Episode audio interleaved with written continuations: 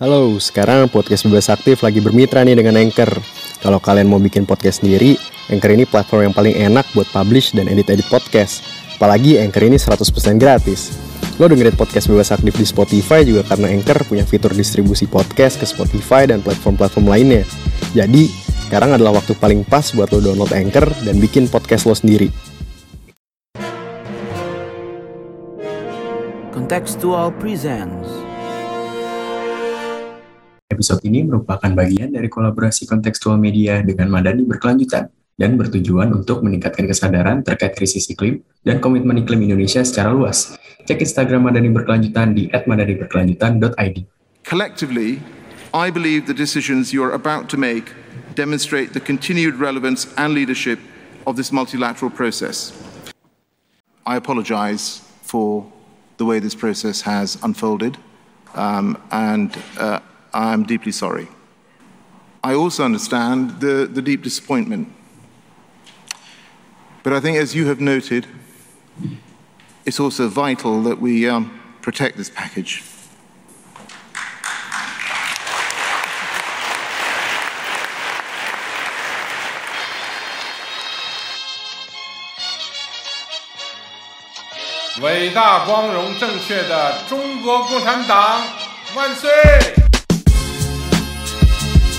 Ladies and gentlemen, it was time to end a 20 year war. No one is safe until everyone is. The world is waking up and change is coming whether you like it or not. Selamat datang kembali di podcast Bebas Aktif season kedua, episode ke-8. Ada gua Raffi Alif dan di sini gua nggak sendirian, ada juga co-host gua ada Aji Fajri. Halo Ji. Halo teman-teman semua, salam kenal. Oke, nah di episode kali ini kita bakal ngebahas atau uh, lebih tepatnya nge-review ya COP26 Conference ya. of the Parties 26 yang baru aja kelar nih di Glasgow beberapa hari yang lalu dan kita sebenarnya udah ngobrolin previewnya ya beberapa minggu yang lalu dan boleh dilihat-lihat juga. Nah, jadi setelah dua mingguan COP26 ini berlangsung, hampir 200 negara ya yang terlibat dan akhirnya menelurkan beberapa output yang harapannya sih bisa menjadi semacam kiblat lah untuk penanganan krisis iklim yang makin parah gini ya. Jadi diskusinya akan sangat penting dan untuk ngomongin ini tentu saja kita udah kedatangan bintang tamu pembicara yang top banget lah ada Mas Agus Sari. Halo Mas. Halo, halo. Apa kabar semuanya? Baik, welcome to the podcast. Baik, baik Mas. Sehat, sehat. Thank you Mas sudah mau diundang di podcast ini. Mas Agus ini adalah CEO dari Landscape Indonesia ya Mas ya, dan dosen yeah. juga di SBM ITB. Sebelum kita masuk lebih jauh nih ke pertanyaan-pertanyaan, gue mau promosi dulu. Jadi kalau kalian suka isu-isu sosial politik atau hubungan internasional, boleh follow podcast ini, podcast bebas aktif. Follow juga Instagram dan Twitter kita di @kontekstualcom dan sering-sering visit website kita di kontekstual.com. Mungkin Mas Agus ada yang mau dipromosikan sosial media? Iya, boleh. Kalau mau memfollow saya di Twitter uh, @agusari, S-nya dua, jadi Agus dan Sari hmm. tapi digabung. Uh, Instagram juga sama, @agusari. Uh, tapi isinya sampah, jadi jangan nyesel. Oke, oke, oke. Boleh di, di follow @agusari. Nah, oke. Okay. Mungkin kita masuk aja ya ke pertanyaan pertama. Di level permukaan dulu kan COP26 ini waktu sebelum berlangsung hype-nya tuh sangat tinggi ya, apalagi sempat keluar juga laporan IPCC yang menunjukkan bahwa krisis iklim ini begitu nyata dan efeknya begitu parah gitu di berbagai belahan dunia. Kita juga lihat bencana iklim di mana-mana, kebakaran hutan, banjir bahkan di Eropa, di China juga. Nah, setelah COP26 berlangsung selama, selama dua minggu, Mas Agus, menurut Mas Agus, ada keluaran atau output apa aja sih yang signifikan gitu dari COP26 ini? Melihat hype-nya nih tinggi banget gitu, harapannya sangat tinggi. Um, hype-nya tinggi juga terutama karena memang sudah banyak yang mengakui dan khawatir bahwa hmm. krisis iklim ini sudah terjadi gitu ya. Jadi bukan lagi akan terjadi tapi sudah terjadi.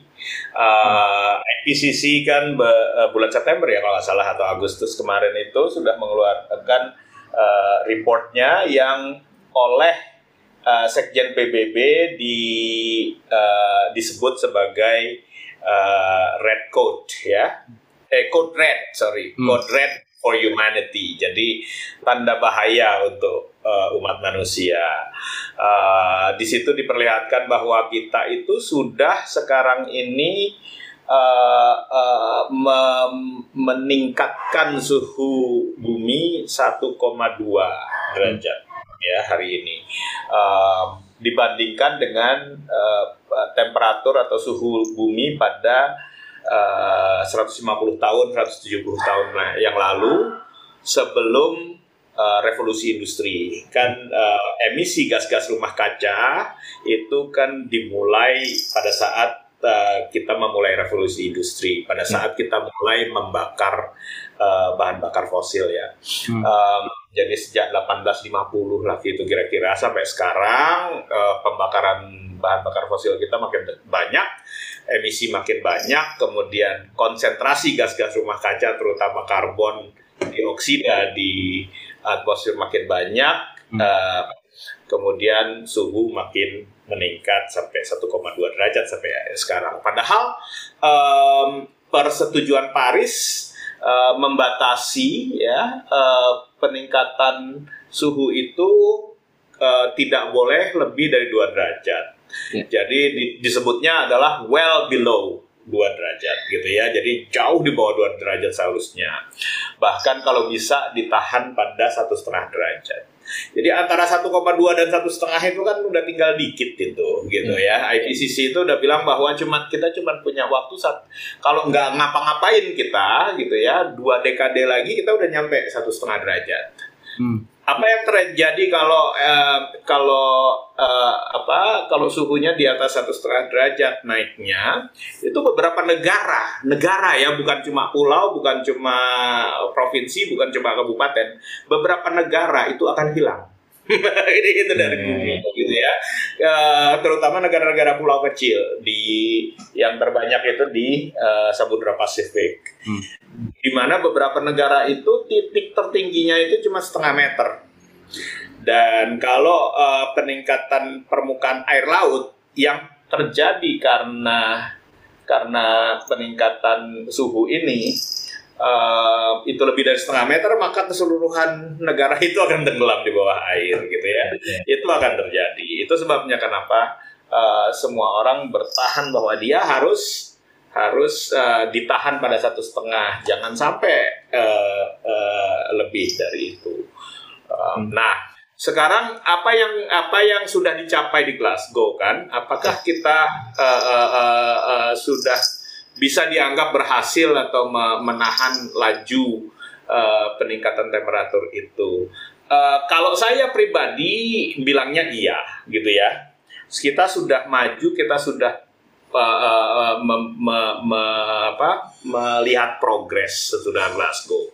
Um, sebelum Glasgow itu banyak yang khawatir bahwa komitmen semua negara di dunia kalau digabung itu masih nggak cukup untuk menahan temperatur bahkan pada dua derajat, apalagi satu derajat, satu setengah derajat gitu.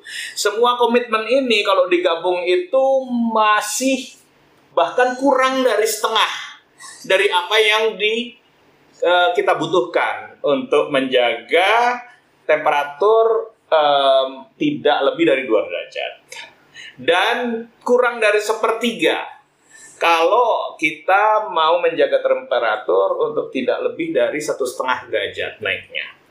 Jadi kan ironis tuh, kita membutuhkan tiga Paris Agreement untuk mencapai tujuan Paris Agreement. gitu kira-kira gitu kan. Nah, itu yang itu yang itu yang ada sebelum Glasgow. Begitu Glasgow, terus kemudian ada yang kita sebut dengan enhanced ambition. Enhanced ambition itu artinya ambisi yang diperkuat. Nah, macam-macam itu yang kemudian dijanjikan oleh negara-negara dan dijanjikan oleh banyak pihak, ya kan? Uh, misalnya ada perjanjian untuk tidak lagi membangun uh, pembangkit listrik tenaga uap berbahan bakar batu bara pada uh, sesudah 2035 2040 gitu kan. Ada yang bilang kita harus pada 2035 2040 uh, semua mobil dan apa fan yang diproduksi harus semuanya 100% uh, pakai listrik. Ada juga yang uh, apa uh, bikin uh, janji bahwa sesudah 2030 uh, tidak ada lagi um, apa kerusakan hutan secara neto gitu. Jadi tidak ada lagi deforestasi secara neto ya. Net deforestationnya itu zero. Hmm. bahkan kalau bisa beyond 2030 itu jumlah hutan meningkat ketimbang menurun gitu kan. Itu itu beberapa janji itu ada. Kemudian beberapa negara meningkatkan uh, apa namanya komitmen mereka masing-masing untuk untuk untuk membatasi emisi dan itu kemudian dihitung lagi gitu ya. Jadi dihitung nih before dan afternya nih. Before tadi kan kita bilang bahwa kita akan bakalan lebih dari dua derajat ini gitu kan dari komitmen kom, apa uh, kolektif dari semua negara. Sesudah Glasgow kita hitung lagi IEA International Energy Agency sempat menghitung dan dari dari peningkatan atau apa uh, enhanced ambition yang ada di Glasgow itu uh, ternyata uh, semua janji-janji negara dan kelompok negara itu bisa mungkin kalau semuanya berhasil menur uh, memperkuat um, ini kita memperkuat uh, apa namanya komitmen kita dunia dan uh, target apa kenaikan temperatur itu bisa ditahan pada 1,8 hmm. derajat sekarang ini. Jadi dari tadinya di atas 2 sekarang 1,8 itu kan kemajuan berarti ya. Tentu saja kemajuan ini masih masih masih dalam bentuk apa dalam bentuk janji ya. Belum belum belum belum di, belum dilakukan kan nantilah gitu uh, kita lihat kita buktinya itu adalah itu bakalan dilakukan apa enggak. Nah, tahun depan tahun 2022 akan ada review untuk semua komitmen negara-negara dunia dan uh, komitmen itu tahun 2022 itu harus jauh lebih baik ketimbang komitmen yang mereka berikan pada tahun 2015 pada saat Paris Agreement diadopsi gitu. Eh, jadi itu yang kita lihat tahun depan gitu ya. Beneran nggak nih gitu ya apa yang mereka janjikan pada Glasgow kemarin gitu. Nah itu yang pertama urusan uh, enhance ambition itu yang paling penting kalau uh, menurut saya hasil dari Glasgow. Uh, uh, hasil kedua adalah Glasgow itu di anggap sebagai kesempatan terakhir untuk me me melengkapi apa yang disebut sebagai rule book ya dari hmm. Paris Agreement. Uh, pa, jadi Paris Agreement itu sebuah perjanjian yang untuk melaksanakannya dibutuhkan rule book gitu ya. Jadi kayak mirip kalau kayak di Indonesia itu kalau ada undang-undang untuk melaksanakannya harus ada peraturan pemerintah, harus ada peraturan presiden, harus ada peraturan menteri segala macam gitu ya. Hmm. Jadi itu mirip gitu. Jadi perjanjian Paris membutuhkan rulebook. Rulebook ini semua sudah selesai di uh, di negosiasi dan disepakati sampai pada COP terakhir sebelum Glasgow kecuali satu satu hal yaitu mengenai uh, emissions trading ya. Hmm. pasar karbon per, perdagangan karbon itu belum belum sama sekali belum bisa disepakati pada COP uh, COP sebelum Glasgow. Jadi Glasgow uh, dianggap sebagai kesempatan kita terakhir untuk me, menyepakati itu. Dan ternyata bisa disepakati gitu ya. Jadi Uh, sejak sekarang dengan adanya rulebook yang lengkap itu kita sudah bisa melakukan uh, emissions trading sekarang. Kita bisa melakukan apa uh, trading ya uh, pasar karbon, jual beli karbon dan dan itu ada beberapa cara. Uh, ada dua cara penting sebetulnya, dua cara utama gitu ya di situ.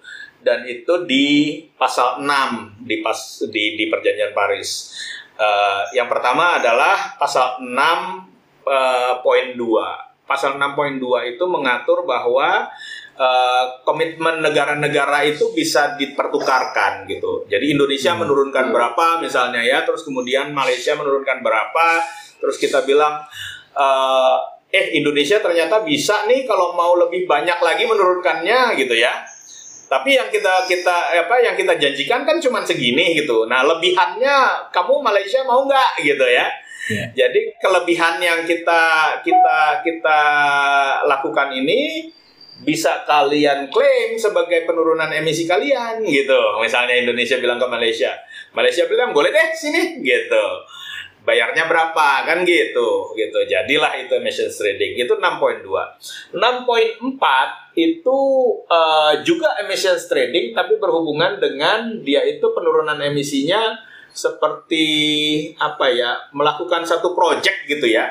Jadi misalnya di Indonesia ada satu uh, apa satu hutan yang apa yang yang yang yang sudah rusak gitu ya misalnya ya dan kemudian itu diperbaiki, itu direhabilitasi dan dengan demikian dia bisa menyerap karbon lebih banyak. Nah, eh, penyerapan yang lebih banyak ini kan bisa diukur berapa jumlahnya gitu penyerapannya. Nah, itu itu bisa di eh, sertifikasi tuh jumlahnya berapa. Nah, jumlah itu itu juga bisa di di di di di dilakukan kita tawarkan gitu. Siapa yang membutuhkan penurunan emisi ini kita sudah bisa menurunkan emisi segini nih lewat proyek ini gitu ya. Dengan uh, harga tertentu mereka bisa ditransaksikan gitu. Ini ini caranya bagaimana ini, ini bisa dilakukan di seluruh dunia itu sudah sudah sudah sudah selesai gitu kira-kira ditentukan di uh, uh, di Glasgow kemarin. Jadi ini juga kemajuan menurut saya. Uh, ketiga adalah financial assistance. Ini yang paling berat nih gitu.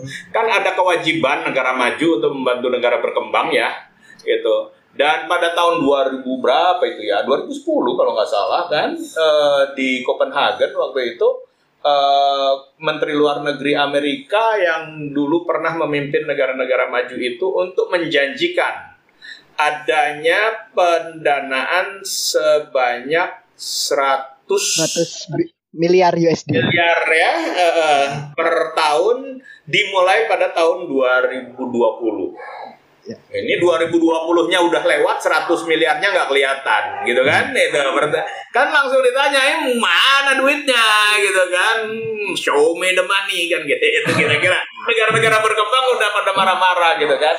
Nah mereka akhirnya uh, ini apa uh, oke okay, minta maaf ini ada covid lah apa segala macam lah gitu ya ininya apa alasan-alasannya. Alasannya. Nah uh, tapi mereka berjanji oke okay deh gitu ya uh, kita tetap uh, janji mau mau menyediakan 100 miliar tapi telat. Uh, bukan 2020 tapi 2025 dan uh, dan beyond 2025 akan lebih banyak lagi gitu. Uh, lebih dari 100 miliar gitu. Oke okay jadi uh, sebagai janji gitu ya, uh, kira-kira itu uh, uh, uh, apa ada delay tapi mereka tidak tidak urung gitu ya. Mereka cuma me, me, me, me, mendelay itu. Nah um, itu sebetulnya yang paling penting ya tiga tiga komponen itu tiga tiga poin itu yang saya kira uh, uh, uh, adalah merupakan uh, progres. Apakah progres ini cukup? Enggak, gitu. 1,8 itu masih tinggi, gitu kan. Um, uh, 1,8 itu masih membahayakan banyak hal. Itu juga kalau 1,8 semua negara memenuhi janjinya ya Mas ya. Kan pasti nanti ada yang Oh iya, betul, ya. betul, betul. Dan kalau ditanya track recordnya gimana dengan pemenuhan janji, track recordnya jelek, gitu kan. Jadi emang lebih banyak yang urung daripada yang menepati janji, gitu. Apalagi kan ini kan uh, perjanjian internasional ya. Perjanjian internasional itu nggak bisa di, ditegakkan dengan mudah. Nggak ada hmm. polisinya soalnya siapa yang mau jadi polisi dunia? Kan nggak nggak ada yang mau juga dipolisiin oleh negara lain kan gitu. Jadi uh, susah gitu. Jadi memang ya uh, ini kalau semuanya berhasil dicapai semuanya beres beres saja itu masih 1,8 jadi masih belum belum belum inilah belum cukup.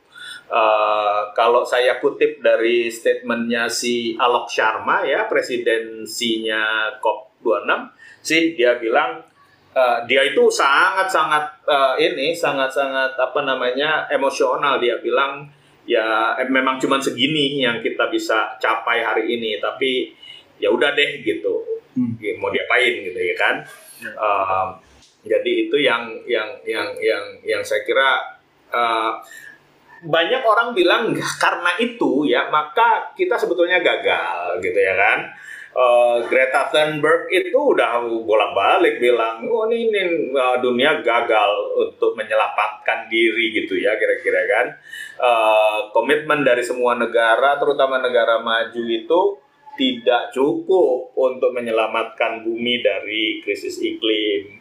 Ya nggak salah 100% sih Greta Thunberg ya karena kita lihat aja gitu ya sepanjang Glasgow itu uh, Sintang banjir dan berapa minggu itu. Sampai sekarang masih tetap banjir kan gitu ya. Dan ini memperlihatkan kan ada beberapa uh, sebabnya. Bahkan presiden sudah mengakui uh, selain uh, curah hujan yang uh, apa istimewa tingginya tapi juga ada kerusakan ekologis yang ada di hulu uh, apa hulu sungainya ya sehingga banjir uh, terjadi gitu. Jadi memang krisis iklim sudah terjadi dan kita ternyata uh, masih apa ya masih slow gitu ya kira-kira gitu ya melaksanakannya. Nah, uh, yang menarik adalah gini di dalam di dalam keputusannya itu uh, secara eksplisit kita maunya uh, batu bara tidak lagi dikembangkan gitu. Yeah. Walaupun uh, istilahnya itu diperlunak gitu ya. Tadinya kita mintanya face out. Face hmm. out itu artinya dihilangkan walaupun secara pelan-pelan. Nah, itu diganti istilahnya pada menit terakhir uh, uh, diusulkan oleh India waktu itu. India mintanya jangan face out lah bilangnya katanya, tapi face down. Face down itu artinya dikurangi, bukannya dihilangkan. Itu luar biasa itu uh, ininya gitu ya apa uh, perubahannya dan dan dan uh, mengganti banyak sekali makna dan banyak yang marah dengan itu. Tapi karena itu last minute gitu ya maka ya sudah gitu mau mau mau itu disepakati atau sama sekali tidak apa yang lain juga yang sudah dicapai nggak nggak diakui kan gitu ya. Uh, jadi uh, seluruh dunia harus memilih Eh, menerima usulan itu atau tidak menerima tapi dengan demikian kita tidak punya kesepakatan sama sekali dan Glasgow dianggap gagal sama sekali. Akhirnya seluruh dunia me memilih ya udahlah terima aja. Dan saya kira itu juga apa keputusan yang fair karena pada akhirnya yang kita lihat bukan kata-katanya. Pada akhirnya yang kita lihat adalah angkanya dan implementasinya gitu. Itu ya. Pengurangan 50% eh, apa misalnya eh, batu bara atau eh, pengurangan 75% batu bara itu mau dibilang face out maupun face down buat saya nggak nggak nggak nggak nggak nggak relevan. Yang saya lihat adalah 75% gitu. Itu kira-kira gitu kan. Uh, 75% adalah 75%. Nah, yang menarik adalah kenapa kok batu bara disebut tapi minyak dan gas bumi enggak? Padahal minyak dan gas bumi itu juga fossil fuel tuh gitu. Ya, ya. Itu uh, apa ya? Kenapa ya? Pertanyaannya kan gitu. Saya nggak tahu kenapanya, tapi yang menarik adalah ada yang iseng ya, uh, Global Witness menghitung ya. Uh, dan ternyata ada lebih dari 500 orang uh, delegasi di Glasgow yang berasal dari industri minyak. Dan 500 orang itu lebih banyak daripada delegasi negara mana pun. Jadi kalau industri minyak dianggap sebagai satu negara, dia adalah pengirim delegasi terbesar ke Glasgow, gitu ya. Apakah ini ada hubungannya dengan kemudian minyak tidak disebutkan sama sekali gitu ya. Cuma batu bara di uh, di perjanjiannya itu ya nggak tahu gitu ya. Bisa iya bisa enggak. Tapi ya lihat aja akhirnya kan kayak gitu gitu. Nah itu. Nah jadi boleh dibilang lah kayak kira-kira ya uh, ini ada progres. Siapa yang paling menang saya boleh bilang yang paling menang adalah industri minyak. Nah, kemudian siapa yang paling kalah? Nah, ini pertanyaannya. Siapa yang paling paling terkorbankan gitu ya? Dengan dengan sebuah perjanjian yang walaupun dia bisa dianggap uh, dari rata-rata adalah sebuah progres. Yang paling kalah adalah negara-negara kecil, miskin dan uh, rentan yaitu negara-negara kepulauan kecil, negara-negara delta, negara-negara kering ya, hmm. uh, uh, negara-negara yang uh, dam yang akan terkorbankan kalau dampak uh, perubahan iklim akan menyerang mereka gitu. Kenapa? Adalah karena gini, uh, perubahan iklim itu dihadapi melalui mitigasi dan adaptasi mitigasi itu adalah mengurangi uh, efeknya ya melalui uh, mengeluang, meng, meng, melalui pencegahan menurunkan emisi gitu kan itu kan sebetulnya adalah mitigasi. Hmm. Adaptasi adalah me menghadapi uh, dampak perubahan iklim uh, dan berusaha hidup bersama dengan perubahan iklim. Jadi kayak new normal gitu kalau di di, di, di uh, ini ya di iya. pandemi ya uh, uh, membiasakan diri hidup dengan perubahan iklim. Nah, yang menjadi masalah kan karena krisis iklim ini ada, dampaknya sudah besar, korbannya sudah banyak, kerugiannya sudah banyak. Ini terus kemudian siapa yang harus bertanggung jawab ini gitu satu contoh adalah banjir di Sintang gitu. Ini kan korbannya banyak ini gitu dan itu kerugiannya juga banyak gitu gitu. Beberapa miliar saya nggak tahu ya belum ada yang hitung mungkin juga uh, sampai pada triliun. Um, itu siapa yang ganti gitu kan?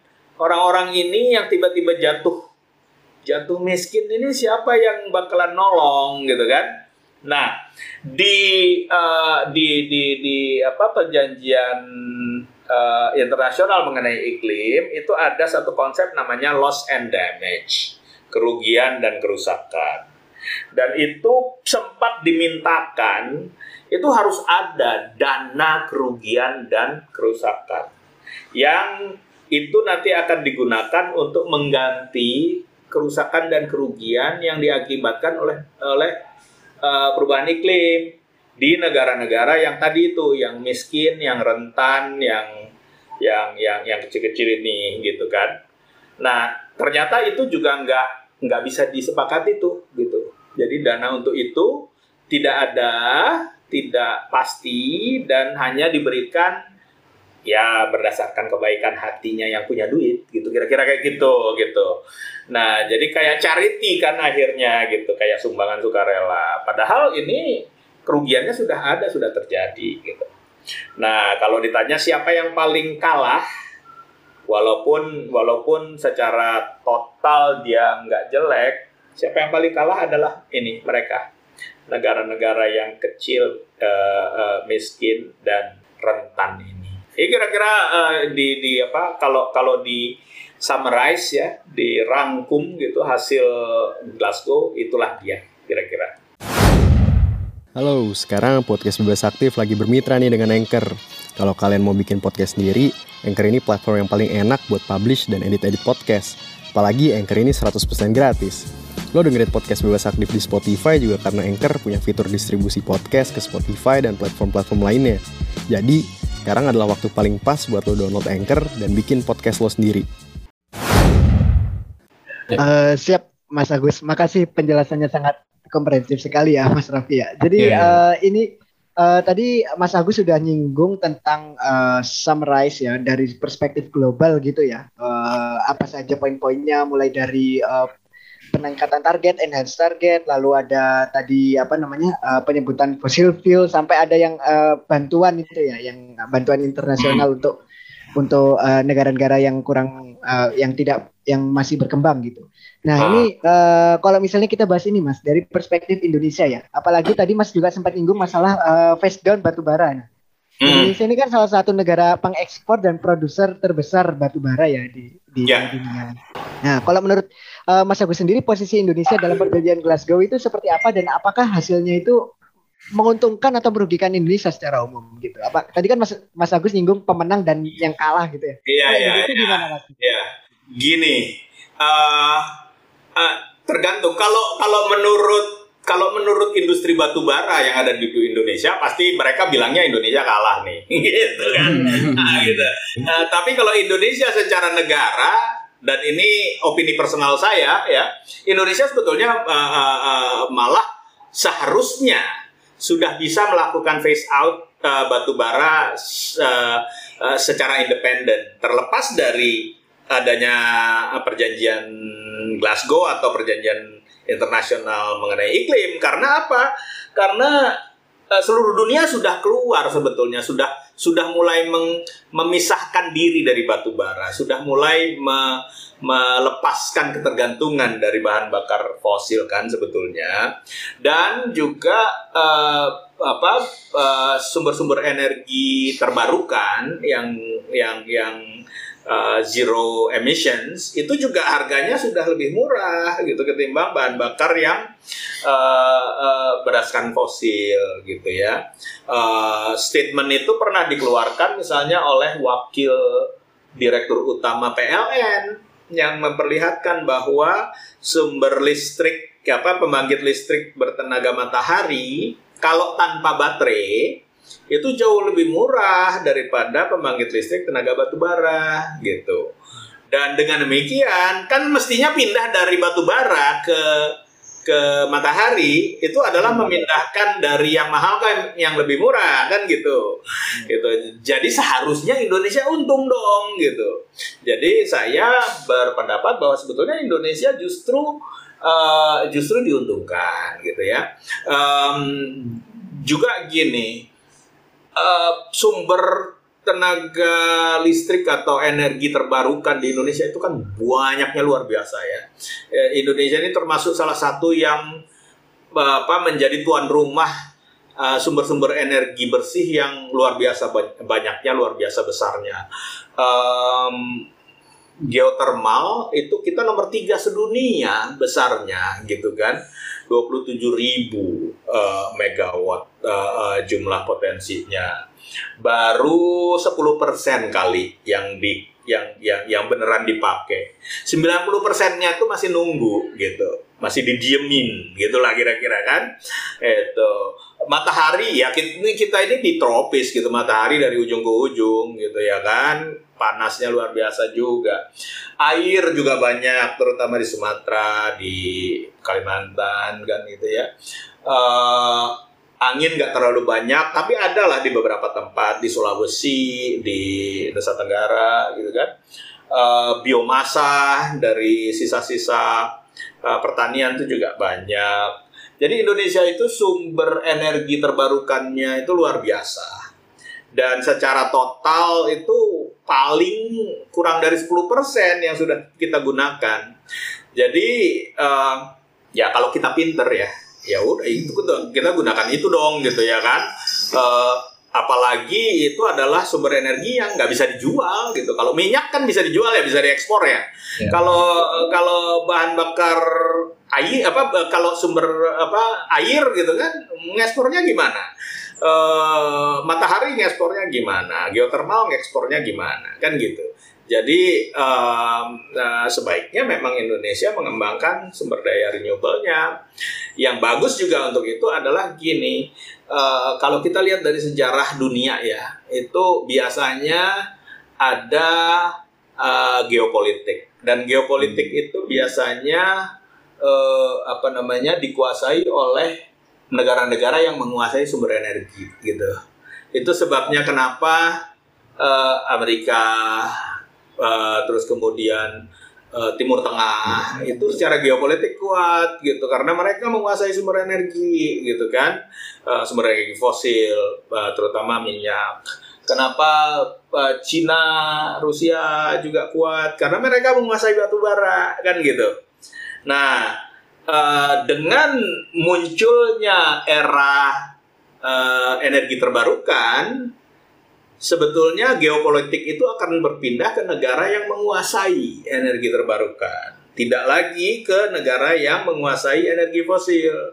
Jadi eranya mid, apa eh, Timur Tengah, eranya Amerika, eranya Cina, eranya uh, Rusia itu sebetulnya sudah akan berkurang, tergantikan dengan eranya uh, energi terbarukan. Dan untuk itu Indonesia luar biasa banyaknya, gitu luar biasa besarnya, sehingga kita sebetulnya punya potensi untuk menjadi superpower gitu ya di dunia karena adanya sumber energi kita yang berlimpah ruah ini gitu yang belum dia papain sayangnya kan gitu.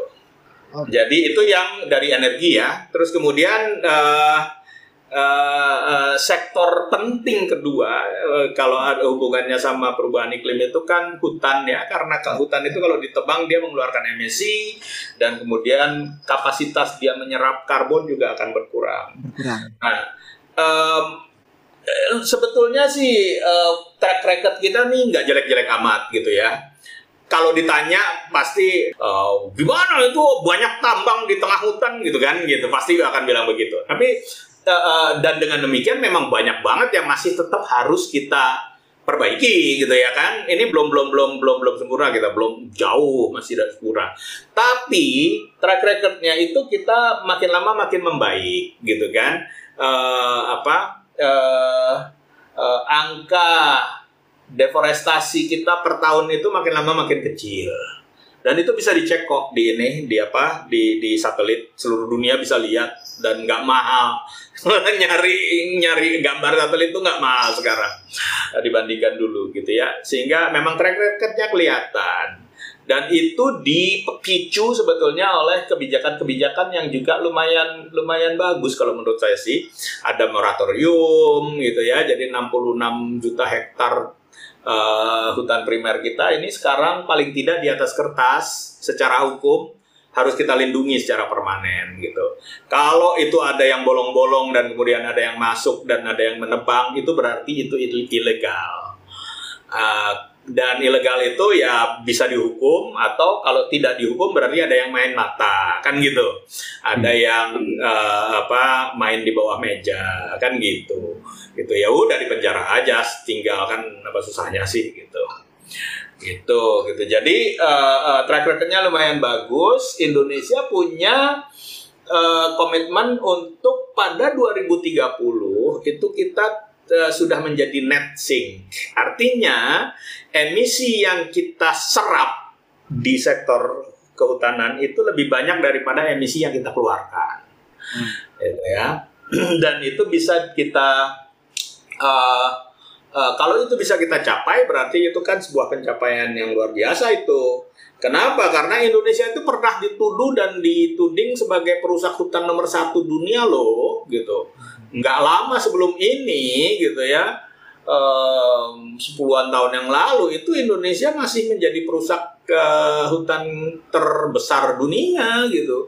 Jadi dari sana sampai sini gitu saya sampai berani berkomitmen untuk apa net sink menjadi net sink itu saya kira sebuah pencapaian. Lagi-lagi tentu saja, ayo kita lihat aja nanti 2030 kan gitu kan. Bener apa enggak sih gitu. Tanggal 2030 ada banyak orang yang mengambil keputusan itu udah gak ada gitu ya kan. eh, gitulah kira-kira kalau di Indonesia tuh itu. Nah, um, ya satu poin penting adalah Indonesia tahun ini adalah pemimpin G20 dan G20 itu kan negara-negara terbesar. Bukan terkaya ya kali ya, tapi terbesar. Uh, ekonominya terbesar. Uh, secara total bukan secara per kapita. Dan dengan demikian dunia itu sangat-sangat berharap pada G20 untuk memberikan kepemimpinan, untuk memberikan contoh, untuk memberikan uh, apa ruang untuk uh, seluruh dunia untuk apa maju dalam upayanya me menghadapi perubahan iklim gitu. Nah tantangan ini adalah tantangan yang lumayan berat loh gitu. Bu sebagai anggota G20 aja itu sudah merupakan tantangan yang berat, apalagi sebagai ketua G20 gitu ya. Jadi kita pun harus harus memimpin negara-negara yang yang ya negara-negara kayak negara-negara Eropa, uh, memimpin Amerika Serikat, memimpin Cina gitu ya untuk untuk me, me, melangkah ke arah yang benar gitu ya. Dan dengan demikian Indonesia harus memberikan contoh gitu. Siap. Jadi uh, ini Raffi kita ada pencapaian dari DPR juga nih Raffi. Kayaknya oh, 2000 2022 kita ada PR besar untuk memimpin G20. Nah iya, uh, tadi sempat juga ini menarik melihat uh, kalau kita lihat dari hubungan internasional ya. Nah tadi Mas Agus juga bilang tentang geopolitik gitu, gimana negara-negara besar dengan sumber daya yang relevan itu punya power yang lebih besar daripada yang lain. Nah kalau Mas Agus ngeliat tadi Mas Agus juga bilang Indonesia bisa jadi menjadi superpower gitu. Tapi kalau untuk yang sekarang gitu, saya juga lihat apa ya target pemerintah Indonesia sebelum COP kemarin ditulisnya tahun 2020 2030 emisi gas rumah kaca kita targetnya turun 29 persen kalau mandiri dan 41 persen jika dengan dukungan internasional. Nah, kalau Mas Agus ngeliat ini gimana ya? Apalagi dengan COP26 dan bagaimana komitmen negara-negara besar ini gitu di COP26 dalam memegang kendali utama melawan krisis iklim ini, terutama kan tadi juga sempat disinggung terkait pendanaan mungkin atau transfer teknologi atau mungkin capacity building gitu. Kalau Mas Agus ngeliatnya gimana dinamika antara negara maju ya. dan negara-negara seperti Indonesia? Ya, 2941 itu kalau di kalau semua semua negara melakukannya seperti Indonesia, kita jauh di atas dua derajat. Itu sebabnya kenapa karbon apa uh, uh, climate uh, action tracker ya, hmm. satu NGO di uh, apa uh, di luar sana itu menggolongkan Indonesia sebagai negara yang komitmennya itu highly insufficient gitu. Hmm. Uh, jadi uh, sebetulnya kalau tantangan mereka adalah Indonesia harusnya bisa punya komitmen yang lebih baik daripada 2941. Itu pun 2941 itu nggak gampang loh ininya mencapainya gitu ya. Um, di di di lima sektor yang diatur uh, untuk mencapai 2941 itu ada dua sektor yang dominan yaitu sektor energi dan sektor kehutanan. Hmm. Sektor kehutanan itu yang paling ambisius sebetulnya uh, targetnya. Targetnya itu kalau seluruh ekonomi 2941 kan. Tapi di di di sektor kehutanan itu 70 90. Jadi penurunan emisi di sektor uh, kehutanan itu 70% mandiri, 90% dengan bantuan internasional. Itu kan luar biasa tuh. Nah, uh, uh, jadi kalau saya sih ke kehutanan malah wah jangan-jangan malah uh, kita bisa mencapainya lebih cepat sebetulnya dari 230. Hmm. Saya uh, saya nggak terlalu khawatir kalau kalau kalau uh, ini sebetulnya ya nggak nggak nggak nggak terus kemudian yakin bahwa itu akan tercapai ya tapi lebih tidak khawatir ketimbang di sektor satunya. Yaitu yaitu sektor energi. Sektor energi kita ini uh, sebetulnya punya satu target yang juga yang kalau dibilang ambisius sih nggak terlalu ya. Kita punya target untuk uh, pangsa renewable energi kita, energi terbarukan kita itu pada tahun 2025 itu mencapai 23 persen hmm. dari bauran energi total tahun 2050 itu 31 persen. Kita sekarang ya kira-kira 12 persen bau ininya pangsa uh, energi terbarukannya. Jadi kita dalam empat tahun harus melipat duakan pangsa renewable energi kita dari dari 12% pada tahun 2021 menjadi 25 23% pada tahun 2025. Nah pertanyaannya sih sebetulnya mungkin nggak sih kita melipat duakan pangsa energi uh, terbarukan kita hanya dalam waktu empat tahun gitu kan? Uh, ini melipat duakan pangsa itu berarti bukan cuma melipat duakan jumlah ya, itu lebih dari dua kali lipat berarti karena kan jumlahnya juga naik gitu kan hmm. jumlah totalnya. Nah itu yang yang yang banyak orang bilang, aduh berat banget itu gitu, naikin dua kali lipat gitu kan. Jadi ada kemungkinannya, ada kemungkinannya kita meleset. Itu sebabnya kita harus kejar habis-habisan. Dan itu sebabnya buat Indonesia keluar dari dari apa? Dari dari jebakan uh, dominasi batu bara itu menjadi penting gitu. Nah, gimana caranya? Nah, itu kan, itu kan, itu itu itu itu yang yang yang jadi pertanyaan besarnya. Karena apa? Karena permasalahan batu bara kita tuh sebetulnya bukan cuma permasalahan teknis, bukan cuma permasalahan ekonomi. Kalau teknisnya hmm. ada kok uh, alternatifnya gitu kan, bisa dibangun, ada barangnya, bisa dibeli.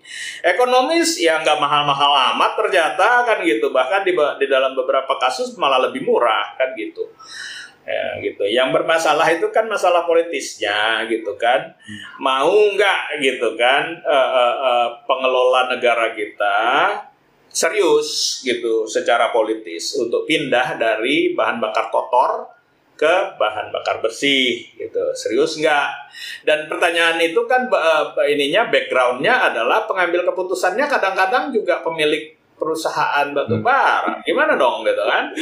itu kan berarti mereka mengambil keputusan yang akan merugikan bisnisnya sendiri gitu atau bisnis keluarganya. Itu dibutuhkan keberanian yang luar biasa gitu kan uh, oleh pengambil keputusan. Saya kira itu.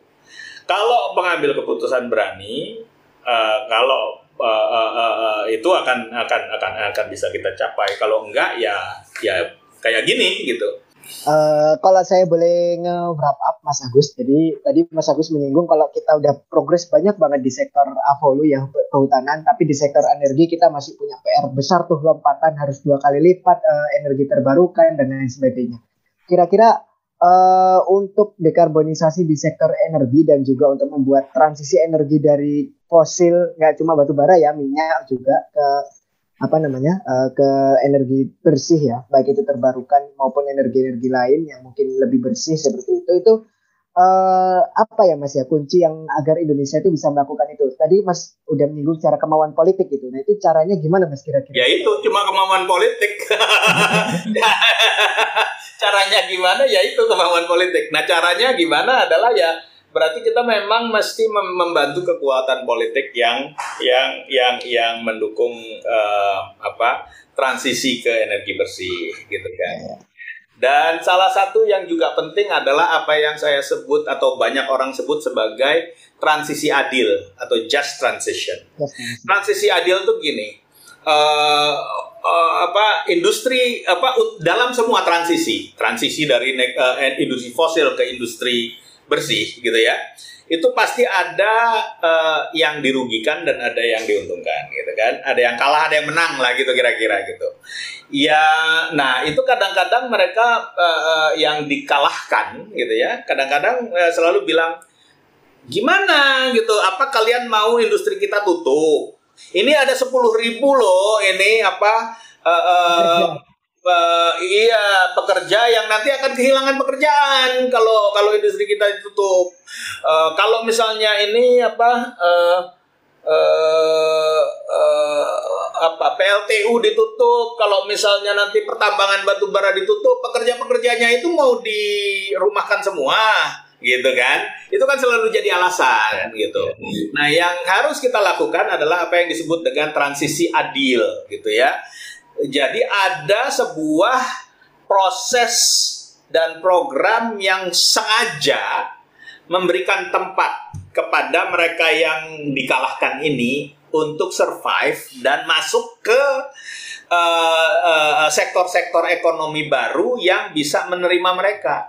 Karena apa? Karena sebetulnya secara neto ya, secara balance yang apa uh, uh, uh, uh, seluruh ekonomi Indonesia akan diuntungkan.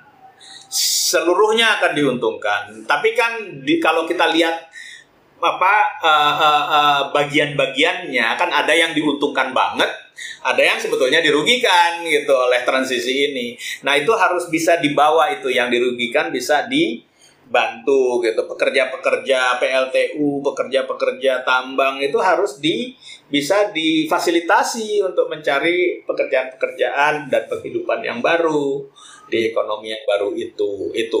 Dan itu harus disengaja. Nggak bisa di dibiarkan aja oh cari-cari aja sendiri gitu. Orang nanti bakalan banyak uh, terbuka kok uh, ini apa pekerjaan-pekerjaan baru cari sendiri aja lah gitu nggak gitu gitu. Harus beneran disengajain dibuatkan programnya gitu. Kayak kartu prakerja gitu kira-kira. Jadi disengajain gitu di, di, di, di disiapkan gitu. Jadi kita nggak cuma ngomong soal sektor energi, sektor kehutanan, sektor pertanian, perkebunan, nggak cuma itu, tapi juga kita harus ngomong mengenai pendidikan kita ngomong mengenai tenaga kerja gitu kan? Itu gitu. Nah kalau itu semua ada mestinya gitu ya mestinya uh, uh, political will bisa lebih kuat untuk kita pindah dan bertransisi gitu. Karena yang ngelawan jadi lebih sedikit gitu. Ya ya. Ya ya, ya. Uh, ini menarik banget uh, diskusinya karena saya juga melihat garis besar, garis merahnya, benang merahnya tuh kayak semacam ada gap antara yang technically possible sama politically possible gitu. Secara teknis ya mungkin possible, tapi secara politis kok kayaknya masih jauh gitu. Nah, berkenaan dengan hal itu, pertanyaan terakhir nih Mas, uh, menurut Mas apa sih apa ya pekerjaan rumah gitu atau PR terbesar dari negara-negara di dunia gitu atau mungkin Indonesia setelah pelaksanaan COP26 ini karena kan tadi Mas bilang ini adalah progres tapi not not good enough gitu. Menurut Mas gimana PR yang paling besar apa sih? Hmm. Um, gini transisi ke um, apa emisi rendah atau bahkan net zero ya hmm. itu nggak gampang itu membutuhkan uh, apa political will yang kuat sekali. Bayangkan satu negara aja nyari political will begitu susahnya, apalagi satu dunia gitu kan. Itu itu satu. Nah, political will itu harus kuat. Kedua uh, uh, apa? Uh, kebutuhan akan pendanaan ya. Um, uh, uh, ini transisi ini juga costly gitu ya. Artinya walaupun pada akhirnya untung di jangka panjang, tapi di dalam transisinya itu itu dia membutuhkan pendanaan. Nah, itu membutuhkan perubahan paradigma dari mereka yang mendanai gitu ya. Dan mendanai ini kan e, sebetulnya yang paling banyak adalah e, pendana komersial ya, bank gitu ya, investor gitu kan mereka yang harus memiliki kebijakan atau strategi baru di mana mereka harus menjauhi uh, apa uh, sektor-sektor yang uh, padat karbon. Mereka justru harus merangkul sektor-sektor baru yang renewable gitu kan, sektor-sektor baru yang bersih gitu. Nah, ke, karena apa? Karena percuma kita ngomong macam-macam tapi tetap aja gitu ya banknya memberikan uh, apa memberikan pendanaan kepada batu bara lagi batu bara lagi gitu kan.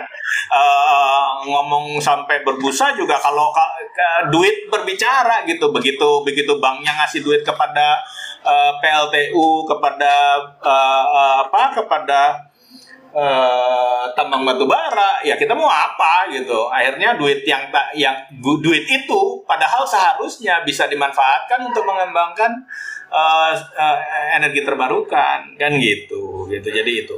Nah uh, juga ini ke ke kemauan seluruh dunia untuk tidak lagi memberikan subsidi kepada sektor-sektor yang kotor gitu. Subsidinya luar biasa besar loh ke ini ke ke fossil fuel.